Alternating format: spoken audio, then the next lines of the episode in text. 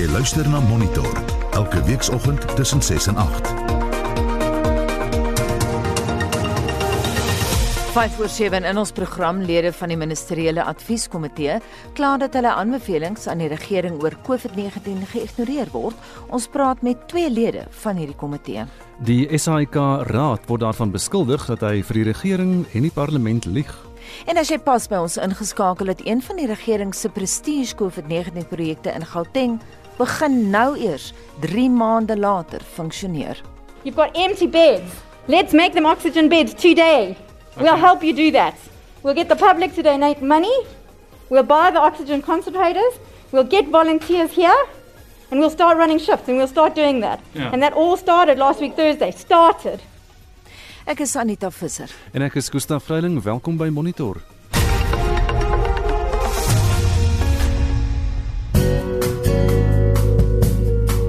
Weer vir vandag die 22ste Julie is uitgereik deur die Suid-Afrikaanse Weerdiens en al die binnelandse provinsies is vandag mooi weer. Pretoria word 22, Johannesburg 20 en Vereniging 21 grade. In Bombela 19, Polokwane 20 en dan Mahikeng en Vryburg is beide 23 grade later vanmiddag. Bloemfontein word 21 en Kimberley 23, Appington tot by 26 grade. In die Wes-Kaap oggend mis andersins mooi weer. Die wind is lig en veranderlik in die oggend, andersins lig tot matig suid. In Kaapstad 21 en George ook 21 grade vanmiddag. Die Oos-Kaap is mooi weer. Die wind is lig noord. Dit word lig oos in die namiddag 21 in Port Elizabeth en 23 in Oos-London. En dan is KwaZulu-Natal ook mooi weer vandag. Die wind matig noord tot noordoos, 24 in Durban, 25 in Richards Bay en so 26 grade in Pietermaritzburg. En dis die weer uitgereik deur die Suid-Afrikaanse Weerdiens. Vir nog inligting kan jy gaan na hulle webwerf weathersa.co.za.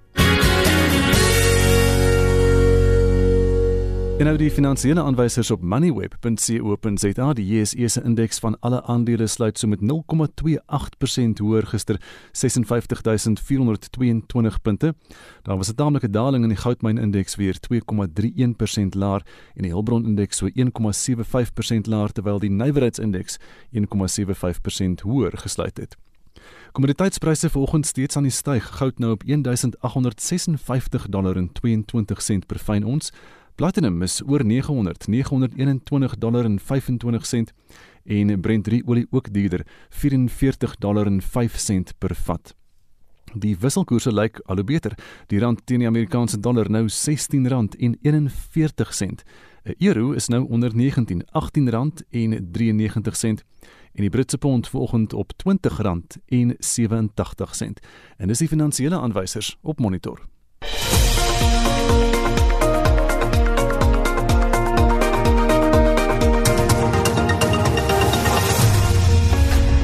Dis nou 9 minute oor 7 is ingeskakel hier by Monitor op RSG en ons kom terug by 'n storie wat ons net voor 7 uur gehad het. Ons het per ongeluk die verkeerde klank daar uitgesaai, maar een van die regering se COVID-19 vlagskierprojekte, die Veldhospitaal by die Nasrek skouterrein suid van Johannesburg, het eers 10 dae gelede begin funksioneer na 'n handjievol dokters en vrywilligers met skenkings begin help het.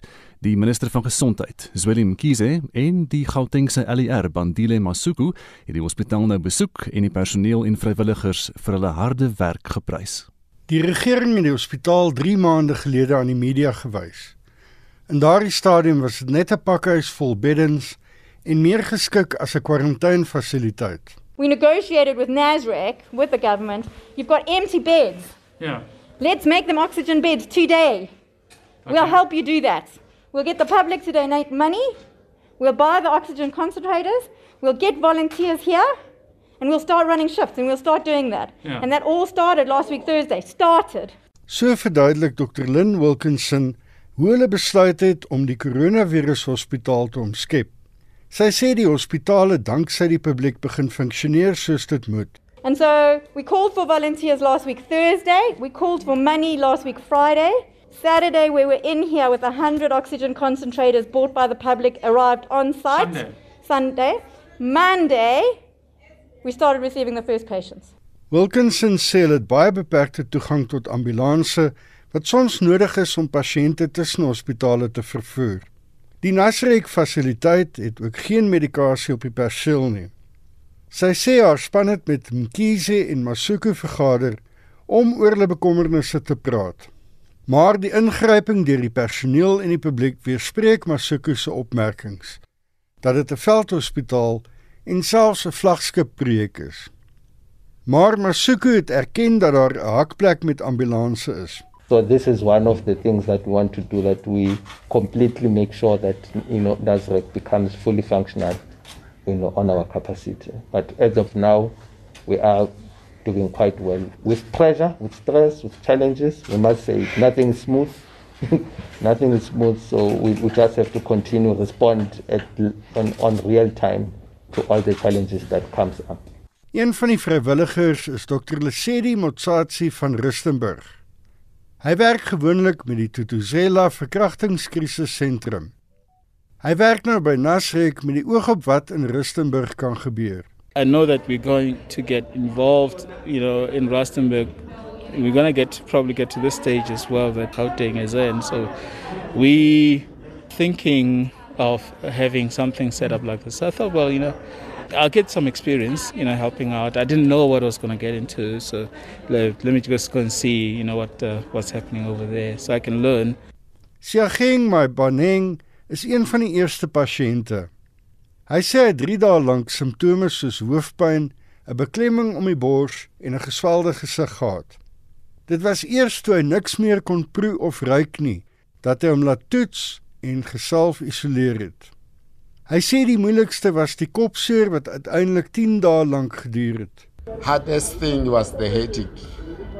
That I was drinking two Panado. All the painkiller to this bring at the one time. But nothing can change. The headache will be just stay there. I think headache I have it on a 10 days. Mkhize sê hy is tevrede dat Gauteng voorberei is vir die toename in gevalle wat volgende maand verwag word. Hy sê egter dat Gauteng en KwaZulu-Natal se syfers nog moet stabiliseer. Hierdie bydra van Angela Bolowane in Johannesburg en ek is Hendrik Martin vir SAK nuus. Die ministeriële advieskomitee van die regering is deel van die Ramaphosa-administrasie se apparatuur om COVID-19 te bestuur. Helaas is daar klagtes oor die gebrek aan openheid oor die raad se besluite wat die publiek direk raak. Ons praat vandag met twee lede van die raadgewende paneel, die voorsitter van die Suid-Afrikaanse Mediese Vereniging, Dr. Angelique Kutse, asook eh, professor François Venter, hoof van die Izincha Beleidsnavorsingseenheid by Wits Universiteit. Goeiemôre François en Angelique. Goeiemôre. Nou ons verstaan die raad is uh, multidissiplinêr. Verduidelik vir ons die struktuur van die ministeriële komitee. Wie dien almal daarop, François? So, uh, sorry to do this in English. Hmm. Um, we have multiple um, experts in sciences from across the country in multiple disciplines. There are subcommittees which look at things like research and uh, things for around public health measures as well as clinical measures. It's a very the the bigger structure is um, includes a much broader group of people and is I'm not quite sure the numbers now. I think it's well um, over 80 people. Mhm. Angelique, hoeveel mag het julle? Geen mag. Ons het um, ons kan net kommentaar lewer op dit wat die minister ons vra en dan kan ons vir hom aanbevelings maak maar die op die einde van die dag ehm um, gaan dit lê by die minister en dan wie ook al hoor op is want ek dink ook nie die minister het soveel seggenskap nie. Daar is 'n hoër hoër vlak wat dan besluit of hierdie gaan ehm um, gebruik word en of dit nie gebruik gaan word nie. Wat net vir ons baie keer kommerwekkend is, is daar word gesê dat die advieskomitee het seker goed gesê of aanbeveel en dan as ons nie eers daaroor geraadpleeg nie, maar dit kom dan van die hoër strukture af wat dan besluit.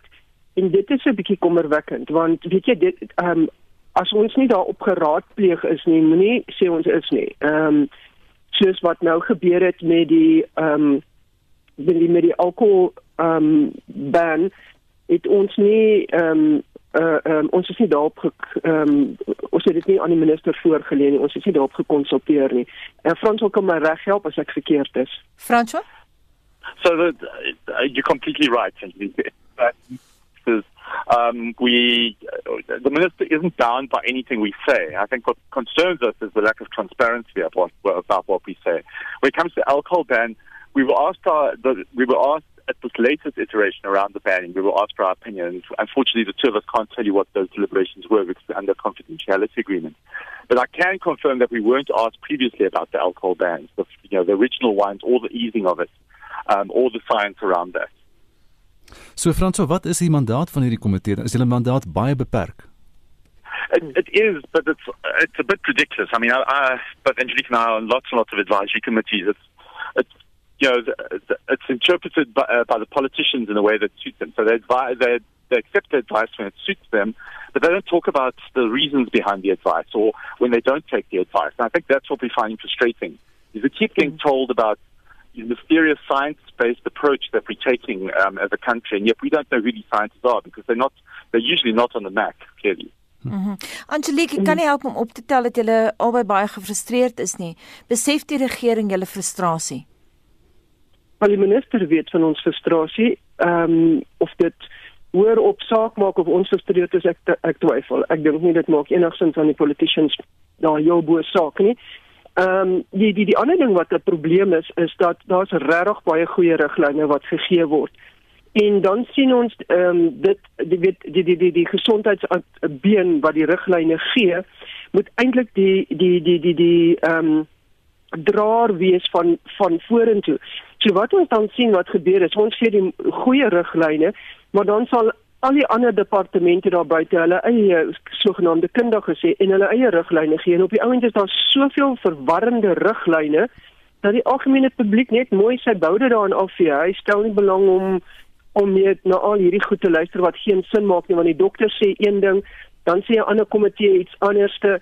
En en en dit is ook baie frustrerend. As ons in 'n as ons 'n krisis moet hanteer dan moet hierdie krisis uit dieselfde mond en riglyne gehanteer word. Ons kan nie elke departement sy eie riglyne hê en dan verwag die publiek daar buite moet ehm um, daaraan gehoor gee nie. Dit kan nie gebeur nie. Franswa van jou kant af, kom julle met die regering oor die weg of stamp julle taamlik kop daar in die vergaderings? So yeah, we I think just to echo Angelique's frustration is that we have a situation where, for instance, we'll issue a testing guideline internally, and it will be interpreted by the National Health Laboratory Services in a completely different way. It will be the Department of Trade and Industry issued its own guidelines completely out of keeping with what was issued, and which didn't make scientific sense.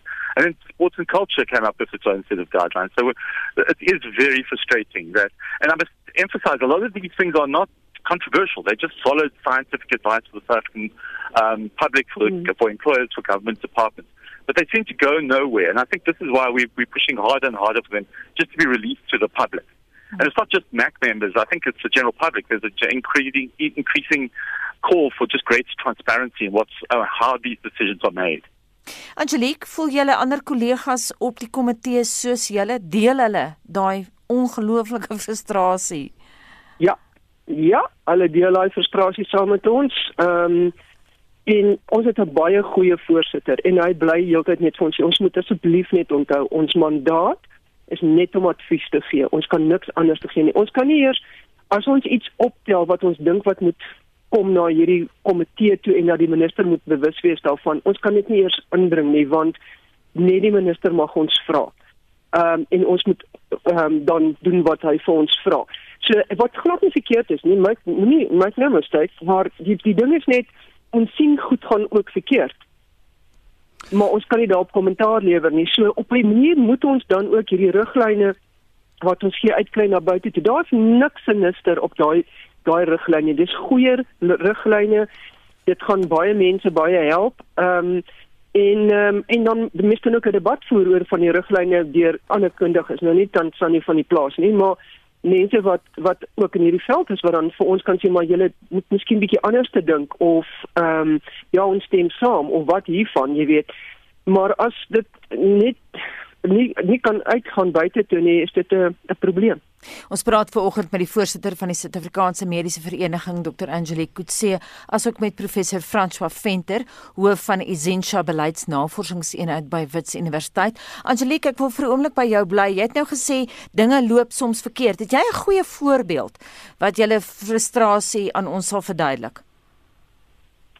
Dis 'n goeie voorbeeld ehm um, vir my is die feit van die die die die die die die toetse. Ehm um, jy weet daar word heeltyd gesê ons moet uh, trek en trace en ons verstaan die trek en trace. Maar nou sit ons in die ons het dit al 'n hele ruk terug opgetel, seker amper 2 maande terug het ons dit al begin eh, optel en sê maar ons het 'n probleem veral in die staat dat die die turnaround time is baie baie lank en wanneer party van hierdie ouens hulle hulle resultate kry hulle of dood of gesond of hulle sal op pad huis toe en dit reeds al die ander aangesteek. Ehm um, so dit en dan die kwaliteit van hierdie toetse wat jy jy moet onthou daar's 'n koue ketting. So as jy die die die persoon wat die toetse doen, moet dit onmiddellik in in in, in 'n sekere temperatuur het en dit moet in daai temperatuur bly en vervoer word tot dit by die lab is en dan wil jy ook nie hê die lab moet te lank wag voor hulle die toetse doen nie want dan gaan die kwaliteit of sensitiwiteit af. So nou wat nou wat wat wat ons dan nou sien is hierdie goed gebeur nie regtig nie. Jy weet in en as jy nou gaan kyk na daai samples wat weggegooi was in in in die oorskap wat in die veld opgetel is. As jy gaan kyk hoe sleg is daai samples se papiere ingevul, dan weet ek nie regtig hoe hierdie goed hierdie trek en trace en en en en die resultate dan uitkom nie. So maar op hierdie stadium sit ons nou waarin hulle nou wel vir die private sektor gevra het om te help om die backlog ehm um, um, op te klaar. Maar ehm um, selfs die private sektor is nou besig om uit uit ehm um, van hierdie ehm um, PCR toetsing uit te hardloop en ons vra dan vir die publiek dat as jy nie 'n siklus nie, moenie gaan toets nie. Maar dit dit staan dan in kontras met wat die regering sê trek en trace. Jy weet so dit word nader aan 'n nagmerrie. So ek het nou die dag gesê, weet jy wat? Kom ons toets nou net almal dat ons nou van al die stokkies ontslaa raak want ons niks meer stokkies dan kan ons in elk geval niemand meer toets nie. François, um, julle praat nou so vanoggend en ons uh, praat oor die probleem van die gebrek aan deursigtigheid. Is julle al ooit aangesê om nie met die media te praat oor die raad wat julle gee nie en ons dink nou so spesifiek aan die tabak en die drank so aan? No, I certainly have not been muzzled, and, it's, uh, and to their credit, you know, I haven't been told I'm not allowed to speak to the media. I do know that there are other people in the MAC who have been asked not to speak to the media, and there are people who are very nervous of speaking to the media because of their jobs and their position, in, particularly people who work within government. But uh, I certainly haven't. I'm an independent academic. En is julle gevra oor die tabak en die drankverbod en wat sou jou raad wees daaroor? So we would we, I, we've never been asked about tobacco, and I certainly wouldn't have supported the ban. I don't think the science behind it is sufficiently strong. I think we weren't asked about the alcohol one either until recently, this late, late iteration. Um, and again, there, I think I would have said that the other ways we can actually protect the healthcare system. I think you can make an argument for, for the alcohol ban, um, and certainly South Africa has a very problematic relationship with alcohol. But again, we were not asked originally about our views on the science behind the alcohol ban. So Angelique, nog lank van wat Frans van nou sê daar, word die kernbesluite geneem geskoei op die belang van Suid-Afrika of is daar politiek betrokke hierby? Hmm, hier is verseker politiek betrokke. Ek het nou geluister na hierdie insetsel van ehm um, die Nasrek.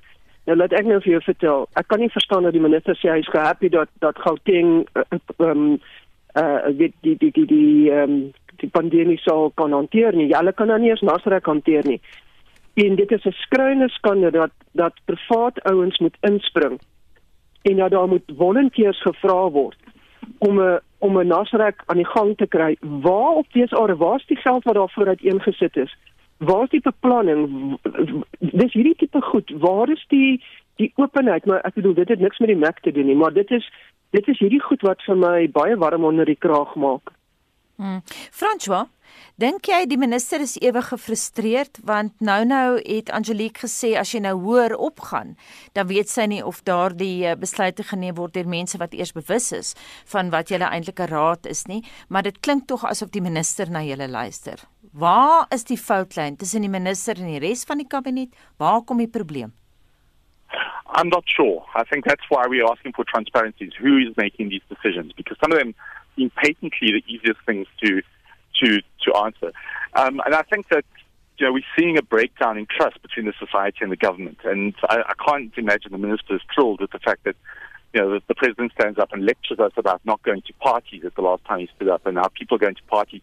Yeah, it's okay to go to church, and it's okay to get into a packed taxi. This is where the hypocrisy of it needs to, and this is where the politicking of it breaks the social compact, because it means everyday South Africans can turn around and say, we don't, uh, you know, they tell us not to go um, to, to parties, but it's okay to go to church. They obviously don't care. I'm not going to wear a mask. I'm not going to wash my hands. And it's very easy to see people opting out at a time when we desperately need everyone um, working mm. together to actually like curb the spread of the virus. This virus doesn't care whether we're having infighting. It's looking for every single fault line it can find, and it's finding it. And it's partly due to the fact that our politicians just don't seem to be coherent in terms of their um, in terms of their advice. Mm. Angelique, hoe wyd behoort die konsultasieproses te wees? Het ons almal wat ons benodig op daardie paneel? Maar nou, ons het baie goeie mense op daai paneel. Nou praat ons van die mediese advies uh, of die MAC komitee. Daar is baie goed. Daar is ons land het regtig top top top mense. Ek kan nie verstaan hoekom wil ons iets van die buiteland af sommer gaan hoor of hulle ekspertise inbring nie. Ons het meer as genoeg ekspertise in ons eie land. Ons verstaan ons eie land, ons verstaan ons mense en ons probeer ons dink ons verstaan die politiek. Maar jy weet as as ehm um, as as dit jy kan die beste mense op jou komitee sê. Maar as daar ergens op 'n politieke vlak nie dieselfde wil is om om om ehm um, dit deur te voer nie, dan kan jy dit maar net sowel los. Maar ek wil weer eens sê, ons het regtig baie kundiges in ons land. Daar is geen en dit het niks met kleur of enigiets te doen nie. Almal is kundiges, hulle weet wat hulle doen en ek dink dit frustreer hulle nog meer. Jy praat nou so van die kundiges in die buiteland. Hoe belangrik is die die Wêreldgesondheidsorganisasie se riglyne vir die regering? Nou, ehm um, jy kan vir Frans ook vra maar wat my hmm. aanbetref is van daai omdat dit is dit is dit is rig, dis net 'n riglyn. Dis die eerste punt en hmm. dan probeer dit die hele wêreld in in inbring. Maar op die einde van die dag, ek sê altyd, ons moet ons eie riglyne, dit moet min of meer in in lyn wees, maar ons moet ook die riglyne vat wat vir ons land en vir ons mense gaan help. Ons kan nie 'n breë riglyn vat wat vir die res van die wêreld werk nie, want die res van die wêreld is nie dieselfde as ons nie. So jy moet dit tailor-made maak vir jou mense in jou land. Frans, hoe voel jy daaroor? So, uh, uh, just to echo, we have some of the best pandemic experts in the world. We've been through HIV, we've been through TB, multi-drug TB, we've been through listeria, we've had people who've dealt with cholera, with Ebola, with malaria. It doesn't matter what you look at. We've got the requisite uh, expertise. WHO guidelines are incredibly important because they make us focus on what we need to do, but you always have to adapt them to the local country context. But as I said, we've got plenty of people who can do that, and it is very frustrating when our own country um, uh, politicians don't seem to be listening to the scientists. Fransjo, jy het net nou gesê daar is 'n argument uit te maak vir die drank taboe. Hoe voel jy oor die tabak taboe? I really don't understand the tobacco industry ban at all. I think that the the, the arguments for banning it right at the start it made absolutely no science um, scientific um, um, evidence. There's no scientific evidence for banning tobacco. Tobacco is bad for you. Let's be absolutely clear. Smoking is not is not something we want you to be doing and it's probably a bad thing to be doing when you um, when you're in the midst of a respiratory virus pandemic. But it's stopping people suddenly, you know, when they're already doing such difficult things over lockdown, just appears to me to actually be cruel, and just smacks of a very authoritarian and very moralistic approach, which actually came across in the, the alcohol stuff as well.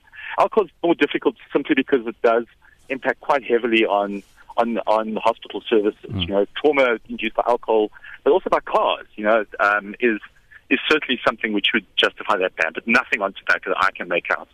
Angelique, is die regering uh, aanpasbaar genoeg by die veranderende aard van die virus die hele tyd, die omstandighede rakende koronavirus uh, en soos byvoorbeeld met die nuwe enstof. Ons het gister nou gehoor van die Oxford enstof wat nou wel 'n immuunreaksie toon. ek dink nie die regering is aanpasbaar nie. Ek dink die regering hardloop met dieselfde ehm um, uh, uh, oogklappe wat hy al die jare mee gehardloop het. Ek dink nie daar's enigstens aanpasbaarheid nie. As daar aanpasbaarheid was, dan het ons nie nou so gesit en sukkel om al hierdie goed reg te kry op 'n politieke vlak nie. Ehm um, daar's 'n mindset en daai mindset hardloop nou maar net aan en ons gaan nou maar met daai mindset met saamleef en en dit is nie reg nie. Ehm um, ja, ek dink die regering sal baie graag wil deel wees. Ons is deel in elk geval van hierdie hierdie enstof ehm um, se se se ehm um, trials maar ehm um, op die einde van die dag is ons nog ver van wanneer daai goed beskikbaar gaan wees. Ons is nog nie naby dit nie. Maar wat aanpasbaarheid is ehm um, as jy kan as jy aanpasbaar is dan dan dan onderhandel jy met almal. Jy onderhandel met jou algemene praktisyns jy onderhandel met jou spesialiste jy onderhandel met met jou privaat praktyk jy onderhandel met met jou jou ehm um, publieke sektor en jy bring almal bymekaar saam en dit is aanpasbaarheid. Ons sien presies dieselfde ehm um, narrative wat ons gesien het voor die tyd.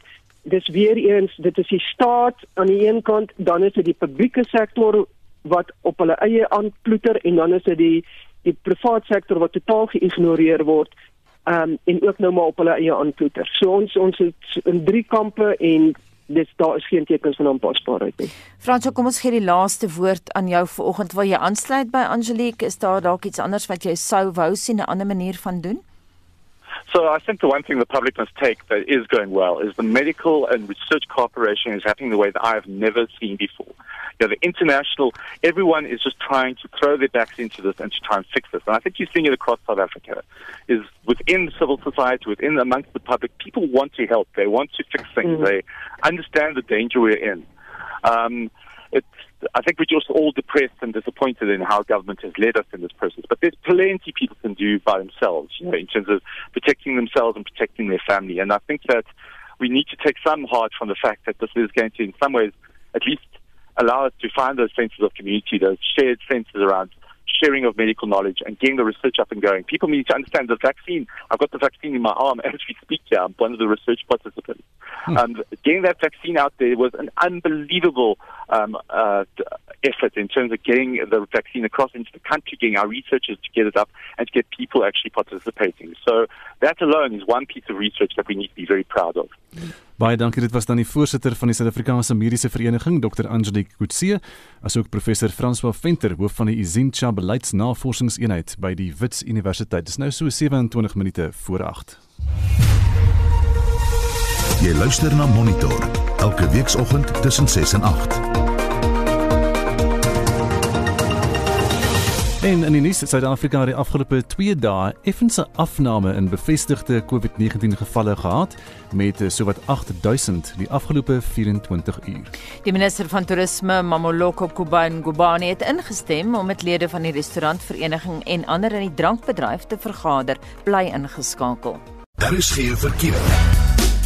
En in hierdie stadium nie veel wat aan die gang is nie, maar daar is stadige verkeer op die R300 noordwaarts in Kaapstad op pad na die N1 inwaarts toe en jy kan maar versigtig wees in daardie omgewing lyk so effens mistig ook in Kaapstad uh, eerste rivier way lyk dit vir my Blue Downs gesluit as gevolg van verkeer tussen London en Klipfontein daar's protesaksie aan die gang in daardie omgewing in Johannesburg in een noordwaartse botsing na Rivonia weg die noodbaan is versper En as jy weet van enigiets anders, dan kan jy vir ons 'n SMS aanstuur na 45889. Dit kos R1.50. Tyd om vir Vincent weer 'n spreekbeurt te gee. Hoe lyk daai terugvoer? En dit ons het lekker terugvoer. Um, ons het een van uh okay, die luisteraar is anoniem, maar hy sê restaurante mag nie oopmaak nie, maar hier in ons omgewing is die swartes met hulle koswandjies langs die pad besig om kos te verkoop gatvol Pretoria. En dan sê Eugene Bernard was onlangs vir die eerste keer in 'n restaurant in Plettenberg Bay. Die kos, diens en ervaring was fantasties. Tog bloei my hart vir almal in die bedryf, veral hotelle en toerisme. Ons moet lokaal ondersteun so ver moontlik. Elke sent tel nou meer as ooit. Jy sê Eugene Bernard van Plet. En dan het ons Henny Pretorius wat sê ek is al lankal lus vir 'n steak, maar ek is eerlikwaar bekommerd dat die virus dat ek die virus kan optel aangesien jy nie regtig weet wat in die kombuis aangaan nie. Erika Wolfhard Nieuwenhuizen sê baie sad kleiner plek moet sluit en dan sê Antoinette van der Merwe Fahrenheit Benoni went out of their way to make us feel welcome. The experience, however, wasn't pleasant. No buzzing of people, no alcohol. It's hard enough to breathe as it is. I felt really uncomfortable. Well done, Fahrenheit Benoni, for your efforts. Much appreciated. En sê Joey Pretorius Becker, ek was al 4 keer uit gewees. Dit is in die buitelug by die see. Vir my was dit maar soos altyd. Alles word skoongemaak voor jy gaan sit. En Hester Jacoba Botha sê Ja, ek was en dit was 'n genotlike ervaring. Ek sal dit beslis weer doen. Die restaurant het goeie ventilasie gehad en al die protokolle is gevolg. Dan sê ehm um, Samuel Water sê nee, ek is te bang, koop net wegneem etes en verlaat plek onmiddellik. Maar het 'n um, Hooggeregshof nie staatse rampbestuur byvoegsels onwettig verklaar nie. Wat nou? Vra Samuel Walters. Ons wil dan verder ons luisteraars weet, ons is net voor 8 weer terug met meer terugvoer. Restaurante reg oor die land gaan na verwagting vandag aan 'n sogenaamde miljoen sitplekke op die strate betoging deelneem. Nou die betoging is gemik teen die inperkingsregulasies wat glo steeds 'n ernstige impak op hierdie besighede het. Ons volg die storie nou vandag. Ons het hom gevolg en monitor, maar intussen wil ons weet waar jy nou al in 'n restaurant sedert die regulasies so bietjie verslap is. Hoe was jou ervaring en sal jy dit weer doen? Stuur vir ons SMS na 45889. Dit kos R1.50 per SMS of gesels saam op facebook.com vorentoe skynstrip ZARSG of WhatsApp vir ons stemnota na 076 536 6961. Die nommer is 076 536 6961. Die SAIK Raad word daarvan beskuldig dat hy vir die regering en die parlement lieg. Die openbare uitsaier kon ook nie 'n voorlegging aan die kommunikasiekomitee doen nie omdat parlementslede sê dat die geskrewe aanbieding nie die lede se vrae beantwoord nie. Die kwessie is of die SAIK al die nodige maatreëls getref het om afdankings te voorkom. Dit sluit die voltooiing van 'n vaardigheidsaudit in. Die SAIK het die koelste ontvangs in 'n lang tyd van die parlement gehad. Daar's nou 'n geruime tyd spanning tussen die parlementêre kommunikasiekomitee en die openbare uitsaier, hoofsaaklik weens die maatskappy se plan om werknemers af te dank. Dit lyk nou ook of parlementslede teen die huidige leierskap van die SAIK gedraai het. Die adjunkminister Pinky Kekana het in 'n voorlegging aan die parlement gesê dat sy met sowel die SAIK bestuur as die vakbonde vergader het. Sy sê die vakbonde sê bestuur wil werknemers werknemers verdeel en het nie met hulle gepraat nie. Sy sê sy het aan die SAIK gesê om die proses te stop en werknemers te raadpleeg. As the shareholder, I feel that let us suspend the section 189 and start the process of engagement so that we are on the same footing. That's the engagement I had with the board, which the board also said it was the resolution of the board. And if the shareholder guides on suspending the section 189 then they have to go back and consult Kekana sê verder van die gesprekke met die SAIK het gegaan oor hoe transaksies geherstruktureer kan word om inkomste te verhoog. Dit sluit in 'n ooreenkoms met Telkom, sy die raad aangeraai om die mededingingskommissie daaroor te raadpleeg. And the response of the chair was yes, we went to the competition commission and we've got a response. When I ask for the response, he, he then answers there's no legal requirement to obtain the competition commission approval. So the issues of Honorable Madisha last week to say the other time to say sometimes the SABC are very they I don't want to say they lie, but because it's too harsh, they are very uh, conservative with the truth. Na Kekana se aanbieding is lede tyd gegee om insette te lewer. Dit was in hierdie tyd dat dit duidelik geword het dat die ANC nie bereid was om die openbare uitsaaier te beskerm nie. Lesiba Molala het aan lede gesê dat hy die SAIK se aanbieding gesien het en dat dit nie die inligting bevat waarvoor hulle gevra het nie. Om hierdie rede het hy gesê was daar geen sin om na hulle te luister nie. I think they must go back home and answer all the questions that parliament has requested them to answer. So that when they come back, we would have done all the consultation with whoever that we think we must get information from. Because when we ask SAPC to give us information, they're not giving us. Uh, they are just giving us uh, evading answers. I think uh, SAPC it's it's gradually breaking our relationship with them. Molala het die opvatting van die adjunkminister ondersteun dat die SAIK lieg. If they are not telling us the truth, they must know that uh, lying to parliament is a serious matter. It's not a, just a slight matter. Uh, if they come to parliament and tell us things that are not correct, they must know that they are breaching a serious protocol. Uh, nobody is allowed to lie to parliament, including ministers and everybody else. So if SABC has got the the guards to lie to parliament, uh, that's a very serious matter that may even require investigation if they are lying to us they are lying to the South African public Die DA parlementslid Pumzile van Dam het aangevoer dat die SAIK toegelaat moet word om sy aanbieding te lewer en dat lede antwoorde moet vra op die vrae wat hulle voel nie bevredigend beantwoord is nie. The SABC hasn't even been given the opportunity to present to say here other th- questions that you had. We set aside two days for this specific reason. Yoguti, we wanted to engage in detail. For Honorable Molala to already say they are lying, they will not give us the answers, is a problem. We all know the SABC wage bill is bloated. This is as a result of history of Claudio Matoneng and his acolytes protected by the ANC. Uh, let's not forget. He hired lots and lots of people, so they have to cut the, their wage bill. National Treasury said they must cut their wage bill.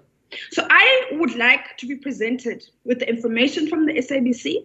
I would like to engage with that information. I would like to ask questions. I would like to, for them to answer those questions. Die SAIK kan egter nie sy voorlegging maak nie en dit is tot 'n latere stadium uitgestel. Hierdie verslag deur Joseph Musia in die parlement, ek's Marlene Forsie vir SAIK nuus. Dis nou 17 minute voor 8 jy luister na Monitor op RSG en ons kyk na die wêreldnuus uit die Amerikaanse president Donald Trump se eerste media-konferensie oor COVID-19 sedert April. Lyk dit of hy gehoor gee aan sy raadgewers. Hy het toegegee dat die pandemie in die FSA erger gaan word voor dit beter word. Marlene Forsie sluit nou by ons aan met die jongste hieroor. Môre Marlene. Môre Gustaf, president Trump het Amerikaners verder aangemoedig om maskers in openbare ruimtes te dra en dit as 'n patriotiese daad bestempel. Die konferensie het egter op 'n vreemde noot geëindig met 'n vraag oor die komende getuienis van Ghislaine Maxwell, die veroordeelde seksoortreder Jeffrey Epstein se voormalige vriendin. Ghislaine Maxwell is in prison And so a lot of people want to know if she's going to turn in powerful people. And I know you've talked in the past about Prince Andrew and uh, you've criticized Bill Clinton's behavior. I'm wondering, uh, do you feel that she's going to turn in powerful men? How do you see that working out? I don't know. I haven't really been following it too much. I just wish her well, frankly. Uh, I've met her numerous times over the years, especially since I lived in Palm Beach, and I guess they lived in Palm Beach. Uh, but I wish her well whatever it is. Uh, I don't know the situation with Prince Andrew. Just don't know. Not aware of it. Nou was die Amerikaanse president Donald Trump ons hou verwikkelinge in die verband top. En dan in Brittanje word die parlement vandag ondervra oor die bedreiging wat Rusland glo vir die Verenigde Koninkryk inhou en dit volg op 'n parlementêre verslag wat toon dat die Britse regering die bedreiging onderskat. Die verslag toon dat Rusland gebruik maak van 'n aggressiewe spionasietaktiek veral in die kuberruim waar dit na bewering inligting steel. Die verslag verwys verder na die gebruik van sluipmoorde op Russe in die buiteland soos die van die Rus Sergei Skripal wat 3 jaar gelede in Salisbury in Engeland vergiftig is en dit na die vergiftiging van Alexander Litvinenko in Londen. Nou sy weduwee Marina glo die Britse regering het sedertdien niks wys geword nie. Was not strong uh, reaction after that. We received Salisbury. Now we're discussing about hacking and attacks to try to get a vaccine from uh, British scientists. En dit was die weduwee van die Rus Alexander Litvinenko wat 14 jaar gelede in Engeland vergiftig is na bewering deur Rusland. Nou oppositiepartye sê die verslag toon ernstige leemtes in die land se veiligheidsbenadering en ondersoek die moontlikheid om bykomende magte in die verband te kry. Ons verskuif dan die aandag na die Oekraïne waar president Volodymyr Zelensky die lewens van 10 gijslaers op 'n bus in Lutsk gered het met 'n vreemde Facebook-video. 'n Gewapende man het skote binne die bus afgevuur en gedreig dat hy 'n bom in 'n openbare plek versteek het. Strate is ont Traim en die 44-jarige Maxime Krivosh het geëis om met die president te praat. Hy het geëis dat die president 'n video op Facebook plaas waarin die president die land aansê om die 2005 diereregte rolprent Earthlings te kyk. Die president het die video geplaas en Krivosh is in hegtenis geneem. Die president het genoem dat hy dit gedoen het om die lewens van mense te red en dat dit iets is waarmee hy sal saamleef. En uh, dit uh, um is dan 'n bizarre versoek. Baie mense sê dit is so dis onduidelik waarom Krivosh gevra het dat mense juist na die rolprent moet kyk. Die president se plasing op Facebook is intussen verwyder en Krivosh is in hegtenis geneem. En dan nuus uit uh, Afghanistan. 'n Tienermeisie het oornag in 'n held verander nadat sy die Taliban militante wat haar ouers vermoor het met 'n AK-47 afgemaai het. Aanval op haar gesin is geloods op haar pa wat as ondersteuning van die regering bestempel is. Na die voorval het die Taliban die huis vir 'n tweede maal probeer aanval, maar dis deur die gemeenskap afgeweer. 'n Foto van die meisie met die vuurwapen op haar skoot het soos 'n veldbrand op sosiale media versprei. Dankie Marlene Forsie met vanoggend se wêreldnuus. 746 en ons keer terug na een van ons hoofstories. Die restaurantbedryf betoog vandag met tafels en stoele teen die uitwerking wat die inperkingsregulasies op hulle gehad het. Die besigheids- of sakeorganisasie Sake Liga ondersteun die poging en ons praat nou met die bestuurshoof van die Liga Piet Leroux. Môre Piet. Goeiemôre, lekker om te gesels. Selfde hierso Piet, hoe gaan julle dit steun? Ons het ons lede gevra om vandag uh, die restaurantbedryf te ondersteun en die koffiewinkels te ondersteun deur 'n koppie koffie of 'n maaltyd te geniet en sommer daar te werk as hulle kan om 'n uh, uh, 'n foto te deel van hoe hulle dit doen met wenke oor hoe mense by die skadelike regulasies kan kom, hoe hulle dit reg gekry het uh, en wat hulle van die inperking dink. Het jy statistiek en syfers oor hoe erg die bedryf eintlik geraak is? Ja, ons sien dit in ons eie syfers aan die peilings onder ons lede 'n geweldige inploffing uh in uh in die restaurante. Die mees uh, onlangse syfers wat uitgekom het nou was Statistiek Suid-Afrika se uh, uh opnames uh, wat tot einde Mei gaan, ag tot einde April en ons sien daar 'n totale inploffing van die uh van die restaurante koffiewinkelbedryf van omset van omtrent oor die 4 miljard 'n maand na effektief 0. Uh en dit is nou vir byna 4 maande reeds. So kan jy dink uh as die, die hele bedryf effektiewelik 0 inkomste van 4 miljard 'n maand na 0 geval. Uh en dit alles oor uh regulasies wat nie duidelik is hoekom dit dit sin maak nie, wat impulsief geskied. Um en ek dink mense het alle reg om totaal en al uh, ontevrede te wees met die skade wat die regering uh deur hulle beleidsbenadering benadering aanrig. Piet, hoeveel restaurante gaan dit nie maak nie? Nee, uh, nee, ons moet sien. Ek uh, dit is moeilik om te sê van uh, omtrent uh, van die peilings waar die restaurante wat by ons deelgeneem het, het soveel as 40% gesê dat hulle uh, vermoed dat hulle dit nie gaan maak vanjaar nie. Ehm um, dit daar was ander besighede daarbey ingesluit geweest, maar uh, watter watter bedryf kan staande bly sonder inkomste vir 4 maande terwyl verbande betaal moet word, werknemers betaal moet word. So uh nee, ek dink die verwagtinge van nasionale tesorie byvoorbeeld is 1.8 miljoen werksverliese. Mm. Ons dink dis heeltemal onmoontlik. So ehm um, en en die grootste deel daarvan gaan wel nie die grootste deel nie, maar baie groot deel gaan uit die uh, restaurant uh koffiewinkel uh, en alkohol en tabakbedrywe kom en dan is daar 'n hele ketting ons nou rondom dit. Iewers word daai goed ge, uh, word daai produkte op landbou op boere ge, gekweek, iewers word dit versprei, ehm um, iewers doen iemand die boeke daarvan, daai hele wareketting word vernietig. Die probleem is spesifiek waarheen gaan daai mense? As hulle dit nie maak in die restaurantbedryf nie. Dis hulle hele lewens. Party mense het vir ons hier op monitor gesê, ek kan niks anders doen as dit nie. Ja. En en dit is die die uh, weet dit is die verskriklike verskriklike aanklag wat ek dink ons almal het en uh, teen en ek dink wat 'n mens behoort te hê teen hoe die regering hierdie regulasies uh, toepas, ontwerp, aankondig sonder kennisgewing, sommer so op 'n Sondag aand onmiddellik van krag maak. Wie kan voorberei op dit? Ehm um, dit is ongelooflik hoe politici wat miskien nog nooit in 'n lewe 'n besigheid bestuur of na uh, uh, jy weet vasgestaar het in 'n uh, balansstaat wat hulle moet laat klop of boeke wat hulle moet laat klop nie, so te werk gaan met mense. En dit is so onnodig want ons kom presies dieselfde, presies dieselfde gesondheidseffek uh, en voordele gehad het. Um, met 'n uh, totaal 'n ander benadering wat nie die vernietiging van 'n industrie te werk bring nie. Die mense kan nêrens heen gaan nie. Uh die, die mense wat hierdeur geraak word, verloor inkomste, verloor spaargeld, verloor 'n klomp goed. Ons delf in ons spaargeld in. En daar's van hulle wat weer sal opstaan van hulle wat ehm um, die die die die, uh, die die die kans op sukses hierna bly steeds daar as dinge herstel. Maar maar mense gaan verarm. Dis die gevolg van die beleidskeuses. Piet ons SMS vraag is ver oggend hierop geskoei en ons het ten minste twee luisteraars wat ek nou aan kan dink wat gesê het hulle mis daai wyntjie by die kos. Jy weet nie almal wil melk by hulle ravioli drink nie. Maar hoe voel jy oor die drankverbod in die restaurante sou dit nie gehelp het as hulle dan gesê het wel weet jy wat? Jy kan drink in restaurante nie. Dit sou baie baie gehelp het. En dit sou heeltemal sin maak want die drankverbod self en die tabakverbod maak nie sin nie. Ehm um, dit, dit kyk uh, as iemand 'n uh, besluit wil aankondig 'n beleid wat 4 miljard per maand uitwis wat 'n industrie tot op sy knie kan bring, dan is daar 'n verskriklike hoë bewys bewyslas. En president Ramaphosa wanneer hy op 'n Sondag aand aankondig met onmiddellike effek, mag skielik skielik meer alkohol verkoop nie.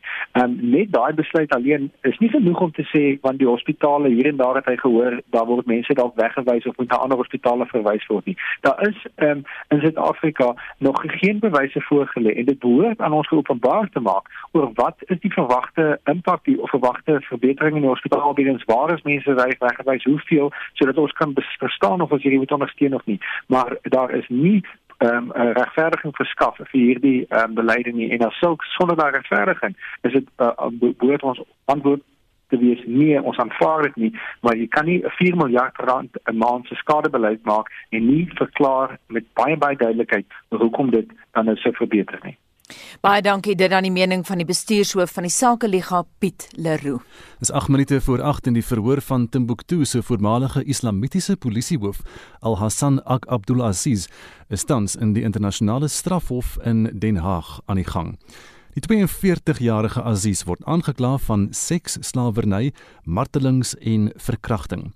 Abdulaziz was in 2012 tot 2013 toe die dade na bewering gepleeg is, lid van die Ansar Din Al-Qaeda gekoppelde groepering wat probeer het om streng islamitiese wetgewing in Mali af te dwing.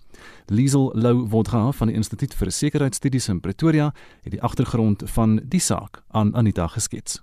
Vir omtrent 10 maande tussen April 2012 en Januarie 2013 het hierdie islamitiese groepe wat verbind is aan Al-Qaeda Timbuktu beset en 'n paar ander dorpe in die noorde van Mali. En hulle het regtig wat terreur op die gewone mense uitgeoefen. 'n Skrikbewind kan mense amper sê. Daar's 'n fantastiese fliek deur Abdurrahman Sissako wat 'n Mauritaanse filmmaker is oor hierdie besetting van Timbuktu in hierdie tyd.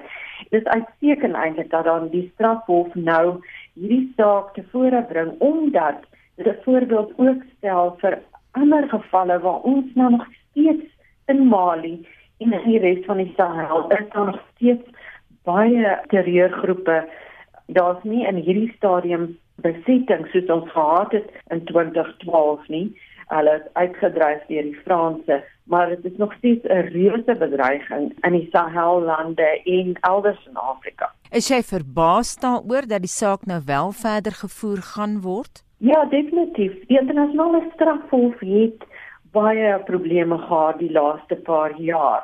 Baie van die sake is uitgegooi. Sake soos byvoorbeeld verkiesingsgeweld in Kenia kon nie voortgaan nie omdat die strafhof gesukkel het met politieke steun van leiers in Afrika en die Afrika Unie byvoorbeeld, maar ook mense is te bang om na vore te kom om getuienis te lewer. Satu Bensouda, die staatsaanklaer wat nou hierdie saak na vore gebring het oor rondom Timbuktu, het juist gesê dat selfs in hierdie geval is dit baie moeilik vir hulle om bewyse te kry omdat mense nog steeds te bang is omdat hierdie Al-Qaeda groepe nog steeds teenwoordig is in Mali. So die feit dat dit nou voorkom is baie belangrik. Daar was reeds 'n saak rondom die vernietiging van die grafte in die ou moslim grafte en standbeelde in Timbuktu verlede jaar waar een van hierdie Al-Qaeda leiers 'n 9 jaar tronkstraf opgelê is. Maar hierdie saak gaan rondom oorlogsmisdade, mishandeling, marteling van die mense. Ehm uh, wat nou te vore kom ook is hierdie terreur wat gebeur wanneer sulke groepe die plekke oorneem. Wonderlike historiese antieke dorp so Timbuktu wat ek 'n paar keer self besoek het, was absoluut beset deur hierdie terreurgroep. Hulle het mense vasgebind, hulle hande afgekap as hulle durf te visie kyk of radio of Frans is gedwing om absoluut eh, 'n uh, burka te dra van kop tot tone toegemaak te word terwyl die tradisie die Islam wat in Mali en Senegal en daai plekke beoefen word is 'n tolerante Islam wat nie streng Sharia wette beoefen nie. Timbuktu juis is 'n toerisme bestemming gewees nog al die jare. Jy weet daar hotelle, mense kan kom, jy kan selfs uh, alkohol geniet in van die hotelle en so aan. Dit was nie totdat hierdie Al-Qaeda groepe ingekom het, was dit nie 'n plek waar die streng Sharia wette gegeld het nie. So vir die gewone mens van Timbuktu was dit absoluut skrikwekkend.